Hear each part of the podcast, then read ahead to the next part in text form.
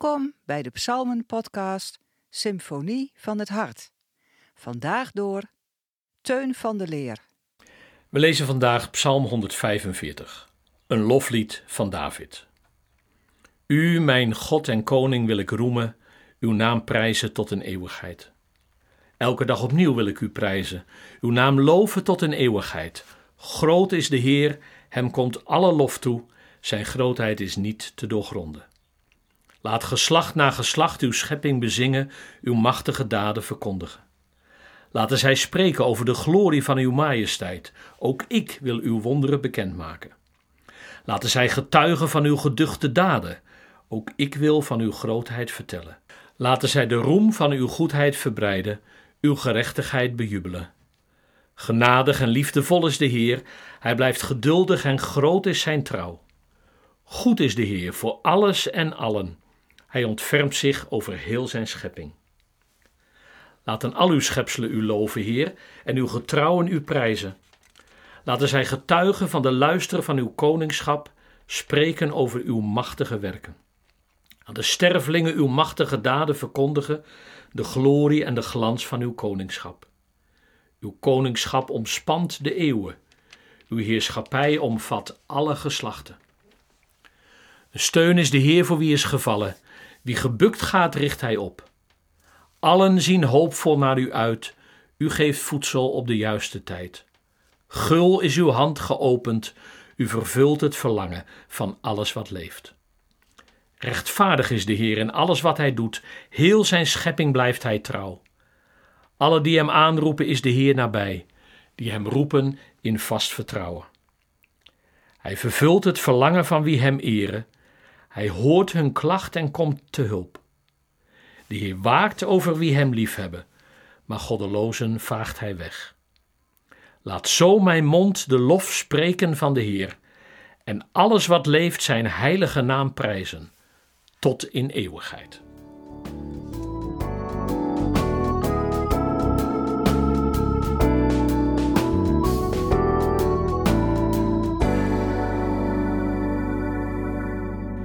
Je kunt rustig zeggen dat aanbidding populair is vandaag de dag, in elk geval in evangelisch-charismatische kring en dus ook in veel van onze gemeenten.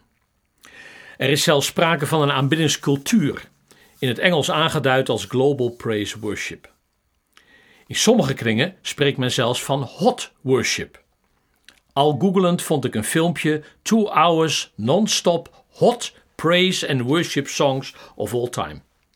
En ook een 3CT-set set getiteld Seriously Hot Worship 50 of Today's Hottest Worship Songs. Zogenaamde aanbiddingshitlijsten kun je over heel internet vinden. Recent trouwens ook nog een top 10 van de meest geliefde gezongen psalmen. Zou je de psalmen ook een aanbiddingscultuur kunnen noemen? Ik denk het wel, al zijn er aanzienlijke verschillen. De belangrijksten zijn mijn zinziens dat de psalmen zo breed zijn dat ze het hele leven omvatten, en zo diep dat ze stem geven aan de hoogste vreugden en de diepste noden van een mensenleven. Het is fascinerend om je te realiseren dat de Hebreeuwse naam van het psalmenboek Tehillim luidt, wat lofprijzingen betekent, terwijl het boek naast danken en prijzen ook vol staat met roepen, schreeuwen en klagen. Blijkbaar valt dat ook onder het komen voor Gods aangezicht. Fascinerend is ook dat dit de eerste en enige psalm is die in het opschrift Tehila heet, een loflied. Dat vinden we nergens anders. Als er dus één loflied is, dan is het Psalm 145. Misschien mag je wel zeggen het loflied der lofliederen. Augustinus zegt over deze psalm de geest bezielt de psalmist om God op passende wijze te loven. God zingt hier zijn eigen lof. Geen verrassing dus dat ook deze psalm een agostigon is, die het hele alfabet laat uitrukken om Gods lof te zingen. Daar kan en mag geen letter bij ontbreken. En daar mag ook niets of niemand bij ontbreken. Maar liefst 17 keer gaat het over al, alle, alles of allen. Al zijn ze niet allemaal in onze vertaling behouden gebleven. En let ook op de inclusio, het begin en het einde van de psalm. Die gaat over het prijzen van God tot in eeuwigheid, letterlijk voor eeuwig en altijd. Een uitdrukking die maar zeven keer voorkomt in de Bijbel, waarvan drie keer in deze psalm. De psalm maakt zo op diverse manieren duidelijk dat we God met allen, in alles en om alles mogen loven. De hele tijd en de volle ruimte, met alle generaties, vers 4, en met ieder levend wezen, vers 21. Dat de lofprijzing onbegrensd is, komt omdat Gods grootheid onbegrensd is en zonder einde. In het loven kun je dus nooit overdrijven. Eigenlijk blijf je altijd onder de maat. Gaandeweg de psalm zie je hoe Gods grootheid samenvalt met zijn goedheid. God is zo groot als hij goed is, en hij is zo goed als hij groot is. In het hart van de psalm vinden we in vers 8 en 9 de grote eigenschappen van God als een citaat opgesomd. Genadig, liefdevol, geduldig, trouw, goed, ontfermend. Het is de bekende karakteristiek uit Exodus 34, die wel de grondtoon van het Oud-testamentische evangelie wordt genoemd. Daarbij versterken zijn majesteit en glorie en zijn genade en ontferming elkaar. Hij die alle dingen regeert, zorgt voor het kleine. Hij die alles in stand houdt, richt het gebogene op.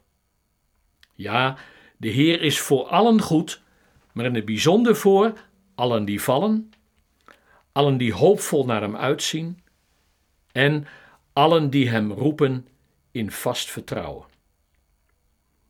In Psalm 144 zien we hoe de aanbiddingscultuur van de psalmen geworteld is in het karakter van God, die aanwezig is in heel de schepping en in heel de geschiedenis. Denk ook terug aan Psalm 136. Schepping en geschiedenis getuigen van zijn eeuwig durende trouw. Ook in ons persoonlijk leven. Zo vormt Psalm 145 de ouverture tot het slot van het psalmboek. Hierna volgen nog de vijf zogenaamde Halleluja-psalmen 146 tot 150. De lofzang wordt de komende dagen steeds hoger van toon, totdat alles wat adem heeft, Psalm 150, vers 6, de Heer zal loven, voor eeuwig en altijd. Halleluja.